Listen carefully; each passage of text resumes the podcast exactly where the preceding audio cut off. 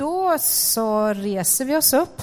Vi ska läsa dagens evangelietext. Och den hittar vi i Johannes evangelium, det mm, fjärde kapitlet, vers 27 till och med 42 på sidan 756 i de här röda biblarna. Och den här texten är en fortsättning av vad vi läste förra söndagen, så det är fortfarande om den samariska kvinnan. Från vers 27. I detsamma kom lärjungarna. De blev förvånade över att han talade med en kvinna, men ingen frågade vad han ville henne eller varför han talade med henne. Kvinnan lät sin vattenkruka stå och gick bort till staden och sa till folket där. Kom så får ni se en man som har sagt mig allt som jag har gjort. Kan han vara Messias? De gick ut ur staden för att söka upp honom. Under tiden hade, sa lärjungarna till honom, Rabbi, kom och ät. Han svarade, jag har mat att äta som ni inte känner till. Lärjungarna sa då till varandra, kan någon ha kommit med mat till honom? Jesus sa, min mat är att göra hans vilja som har sänt mig och att fullborda hans verk. Ni säger, fyra månader till så är det dags att skörda. Men jag säger er, lyft blicken och se hur fälten redan har vitnat till skörd. Den som skördar får sin lön, han bärgar grödan till evigt liv så att den som sått och den som skördar kan glädja sig tillsammans. Här gäller ju ordet att en sår och en annan skördar. Jag har sänt er att skörda där ni inte behövt arbeta. Andra har arbetat och ni får lönen för deras möda. Många samarier från den staden hade kommit till tro på honom genom kvinnans ord när hon försäkrade han har sagt mig allt som jag har gjort. När samarierna kom till honom bad de honom stanna hos dem och han stannade där två dagar. Många fler kom till tro genom hans egna ord och de sa till kvinnan nu är det inte längre vad du har sagt som får oss att tro. Vi har själva hört honom och vet att han verkligen är världens frälsare. Så lyder det heliga evangeliet. Lovad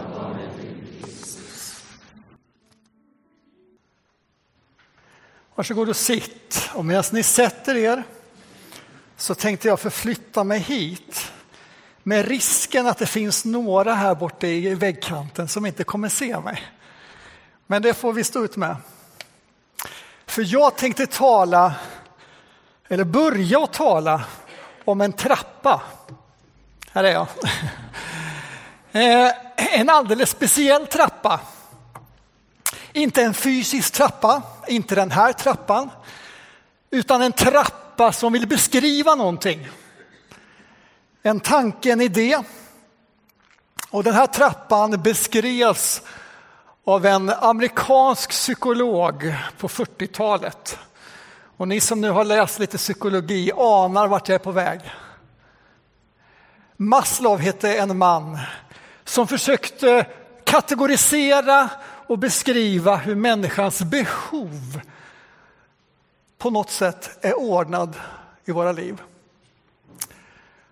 Och det där kom att kallas för Maslows trappa.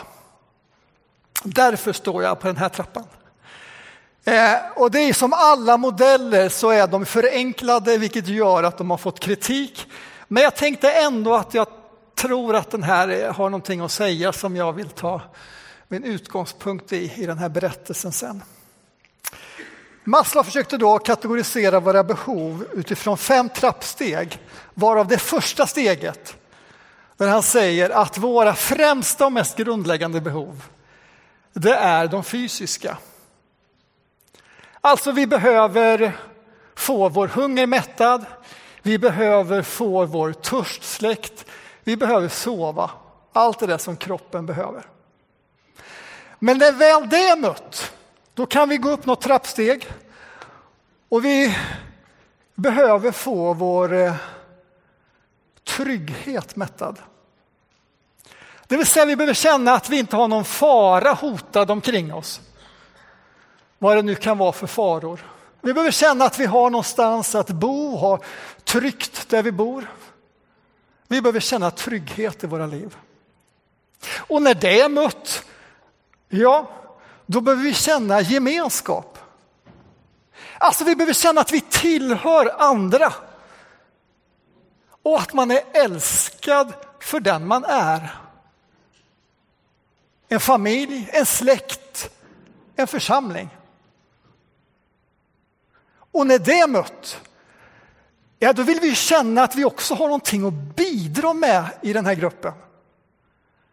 Att andra uppskattar det jag har att ge. Och så sista, det Maslow kallar för självförverkligande. Det vill säga, här vill jag på något sätt förverkliga min fulla potential. Nå mina drömmar. Och här i vår tid finns det många begrepp för detta. Bli ditt bästa jag. Gör det till ett varumärke etc. Jag är ingen psykolog så jag ska inte göra någon djupare analys av det här. Men kanske vi ändå kan konstatera att de här trappstegen på många sätt motsvarar så som Gud har skapat oss. Med mänskliga behov. Med viss reservation för det här sista, va? det översta. För utifrån Bibeln så knyter det väl an till det som Bibeln kallar för vår gamla natur, vår fallna natur. Allt det där som vill göra uppror mot Gud och blir kanske till slut sin egen Gud. Här får vi vara som kristna lite uppmärksamma.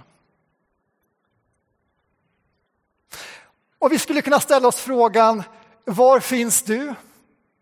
Vilka behov har du och jag just nu som vi försöker möta?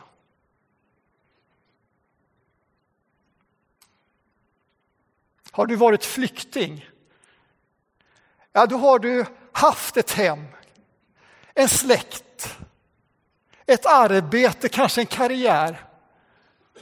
Där alltihopa har du fått lämna av en eller annan anledning. Och så har du fått ge dig ut på okänd mark med faror och komma till ett land och fråga, får jag bli en del här? Får jag känna trygghet här? Får jag bli en del av den här gemenskapen? Uppskattar ni vad jag har att komma med? Ja, vi önskar att vi skulle kunna svara ja på de där frågorna men verkligheten ser ju annorlunda ut ibland. vilket fall som helst, den här trappan, vi tar med oss den in i texten.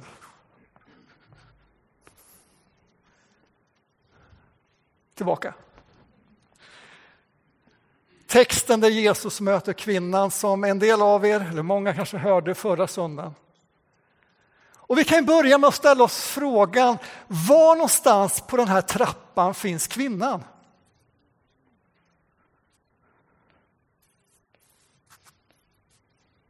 Jag vet inte om jag ska titta på den trappan eller på den trappan, för ja, spelar roll. Var någonstans finns kvinnan? Ja, förmodligen är hennes fysiska behov fyllda. Men är hennes behov av trygghet fylld? Det vet vi ju inte. Det enda vi får reda på är ju i förra söndagens text. Fem män har du haft. Och vad får vi reda av det? Har hon haft fem män som har av sjukdom dött för tidigt? Ah, risken är kanske inte överhängande stor. Har det varit trassliga relationer? Förmodligen. Har det varit inblandat psykiskt eller fysiskt våld? Kanske.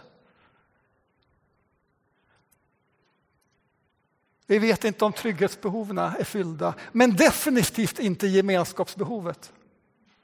Vi kan räkna med att hon är utfryst i den by och stad som hon levde i. Och att tro att hon själv skulle tro att hon har någonting att komma med som andra skulle uppskatta. Den förväntan tror jag inte hon hade. Och något självförverkligande existerade nog inte hennes tankar. Och så har hon nu mött den här mannen. En judisk man som när hon kommer längst ner ifrån trappan naturligtvis i hennes, i hennes ögon befinner sig längst där uppe och ska förverkliga något, sin karriär. Och vi förstår att avståndet är gigantiskt. Så allt talar för, för att de här två personerna aldrig ska komma i kontakt. Men det är ju precis det som sker nu då, i den här berättelsen. Ett samtal sker mitt i vardagen. Och visst är det spännande med samtal. Angelägna, viktiga samtal. Tänk vad de kan forma oss och förändra oss. Och Jesus är ju suverän i sin bild på det här samtalet som fortfarande inte är i dagens text utan förra söndagens text. Han börjar liksom med sina egna fysiska enkla behov. Ge mig något att dricka. Och när kontakt väl har uppstått, ja men då kommer alla de där frågorna. Vad tänker du om? Vad tycker du om? Är man kristen så är det alla möjliga teologiska frågor man ska svara på, vad man tänker kring.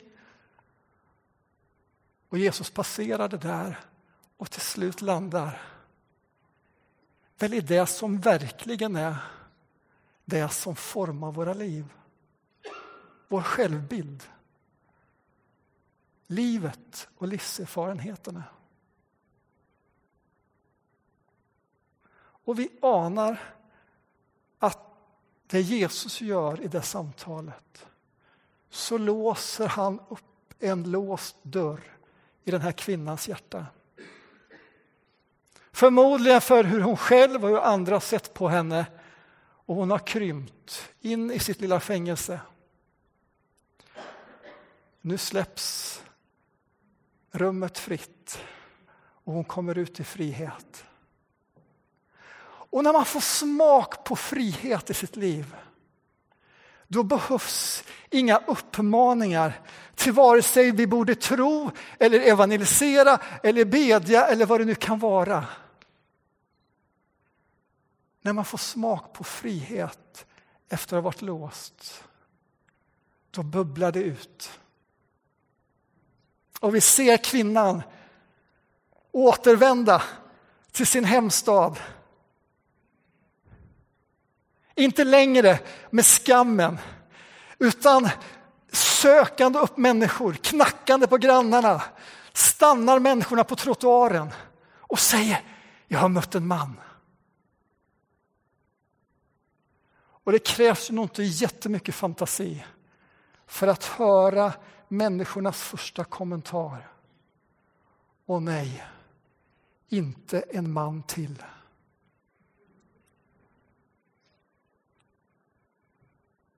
Men hon tar den smällen. Och nu är det inte hennes intellekt som briljerar utan det är hennes hjärta som vibrerar. Och får alla dessa människorna på fötter.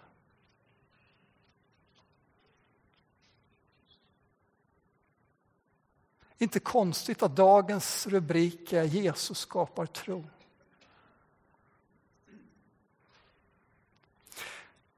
Men låt oss gå till de andra. Lärjungarna som ju också finns nu i berättelsen och där vår text idag började. Var är de på stegen?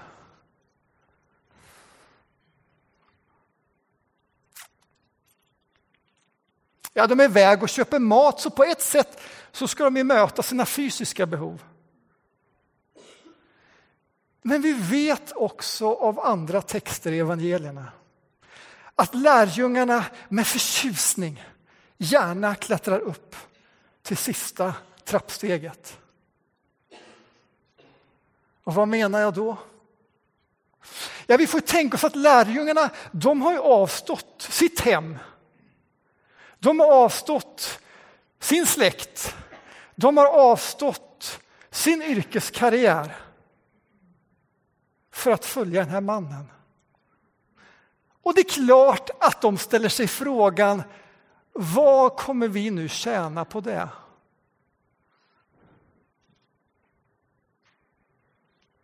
Och så får de hopp av att de, de lever i övertygelsen om att han måste vara Gamla testamentets löfte om en Messias, om en befriare, om en räddare, om vår kung.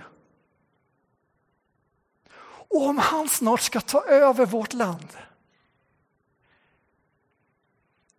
vilka blir vi då? Och så kan vi läsa i evangelierna om hur dessa lärjungar emellanåt kivas om att få den främsta ministerposten i Jesu regering.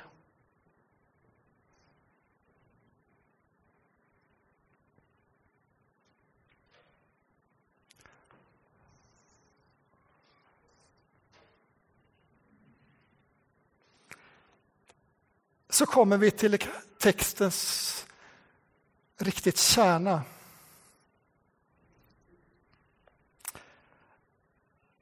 När lärjungarna förväntar sig att han ska äta och Jesus ger sitt märkliga svar. Jag har ju redan ätit. Eller snarare, jag har mat som ni inte känner till.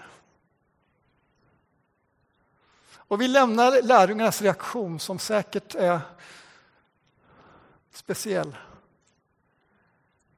Och så stannar vi upp. Vad är det Jesus verkligen här säger?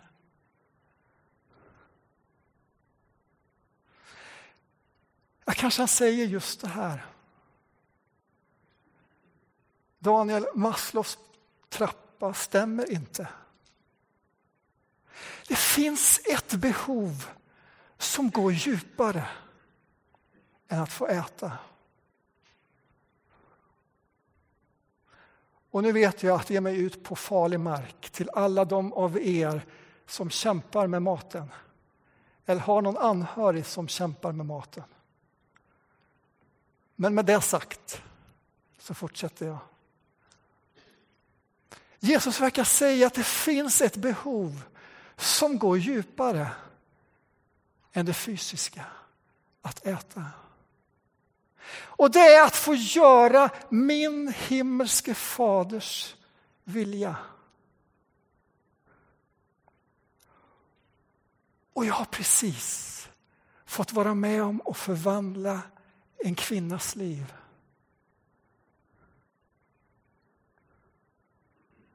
Ja, hennes evighet. Det lever jag av. Det mättar mig mer än någonting annat.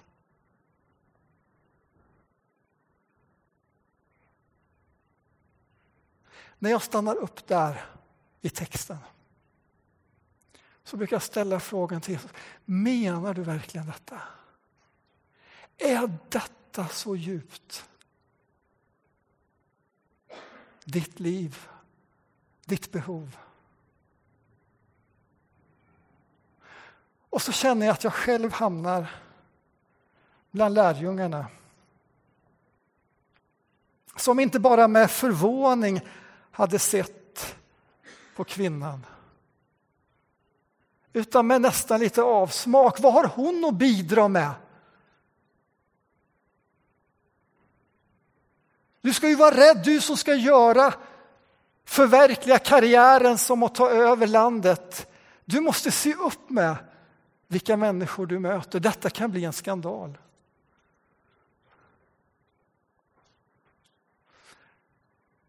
Jag har ganska lätt där att hamna bland lärjungarna. Och kanske vi är fler som böjer våra huvuden och känner en viss skuldbörda på våra liv. För medan vi är uppfyllda av att förverkliga oss själva så möter vi Han som har avstått himmelens härlighet.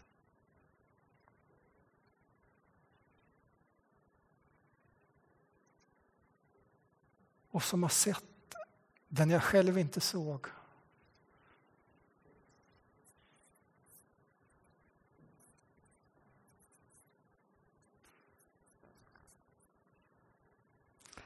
Om vi känner igen oss i det så hör vi Jesu ord. Lyft blicken. Lyft blicken, säger han till lärjungarna. Och så kommer ju ett litet tal om det där med sådd och skörd. Men vad det egentligen handlar om är lyft blicken så du ser kvinnan.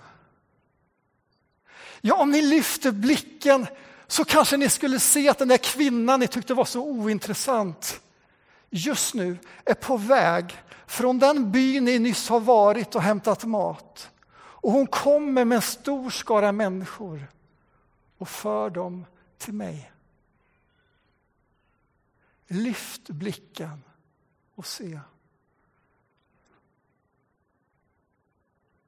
Och jag tror att det ligger någonting mer i att lyfta blicken än att också se den jag tidigare inte såg. Att lyfta blicken och fästa sina ögon på det som förde sonen i hans djupa behov att göra Faderns vilja. Det för honom inte bara till en kvinna vid en brunn utan för honom upp på det där korset. Och än en gång så vände jag er ryggen som jag har gjort andra gånger när jag har förkunnat. Men där uppe på korset får vi lyfta blicken.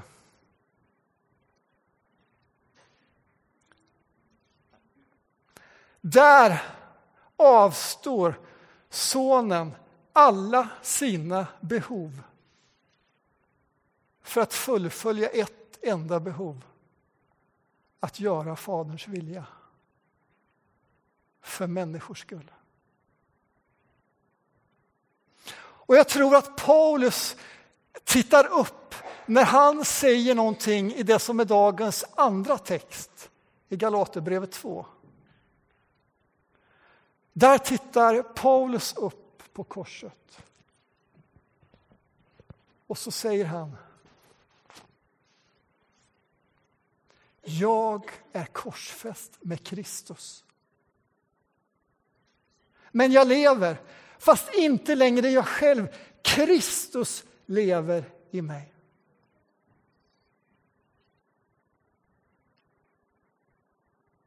Och det är inte för att han menar att Jesus vill att mitt liv ska krympa. Tvärtom. Men för att koppla till den där trappan igen, kanske det är för att den där översta trappsteget där vi blir så upptagna med oss själva och därför behöver lyfta blicken och se att jag är korsfäst med honom. Och nu lever inte längre jag, Kristus lever i mig. Vilka ord av Paulus liv från hans mun.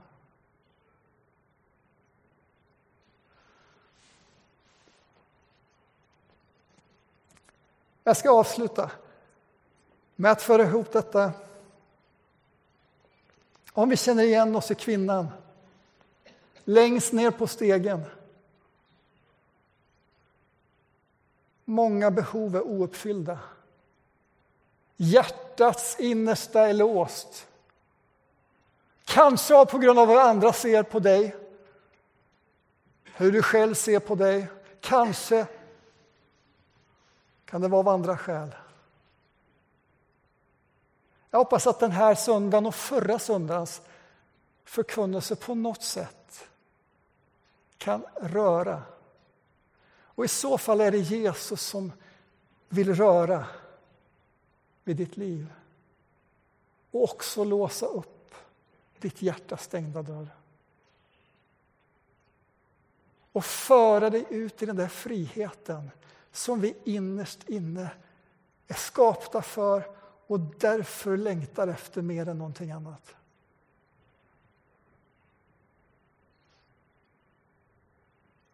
Vad det sen kan leda till i ditt liv och i din omgivning, ja, det vet bara Gud.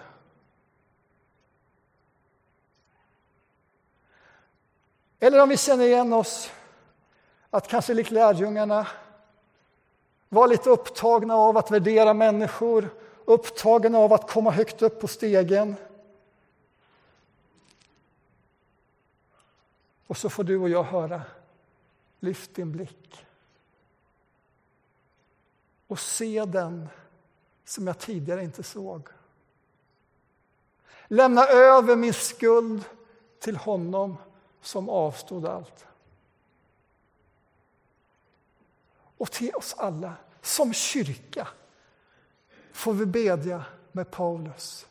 Kristus, lev i oss och genom oss så att världen kan tro. Amen.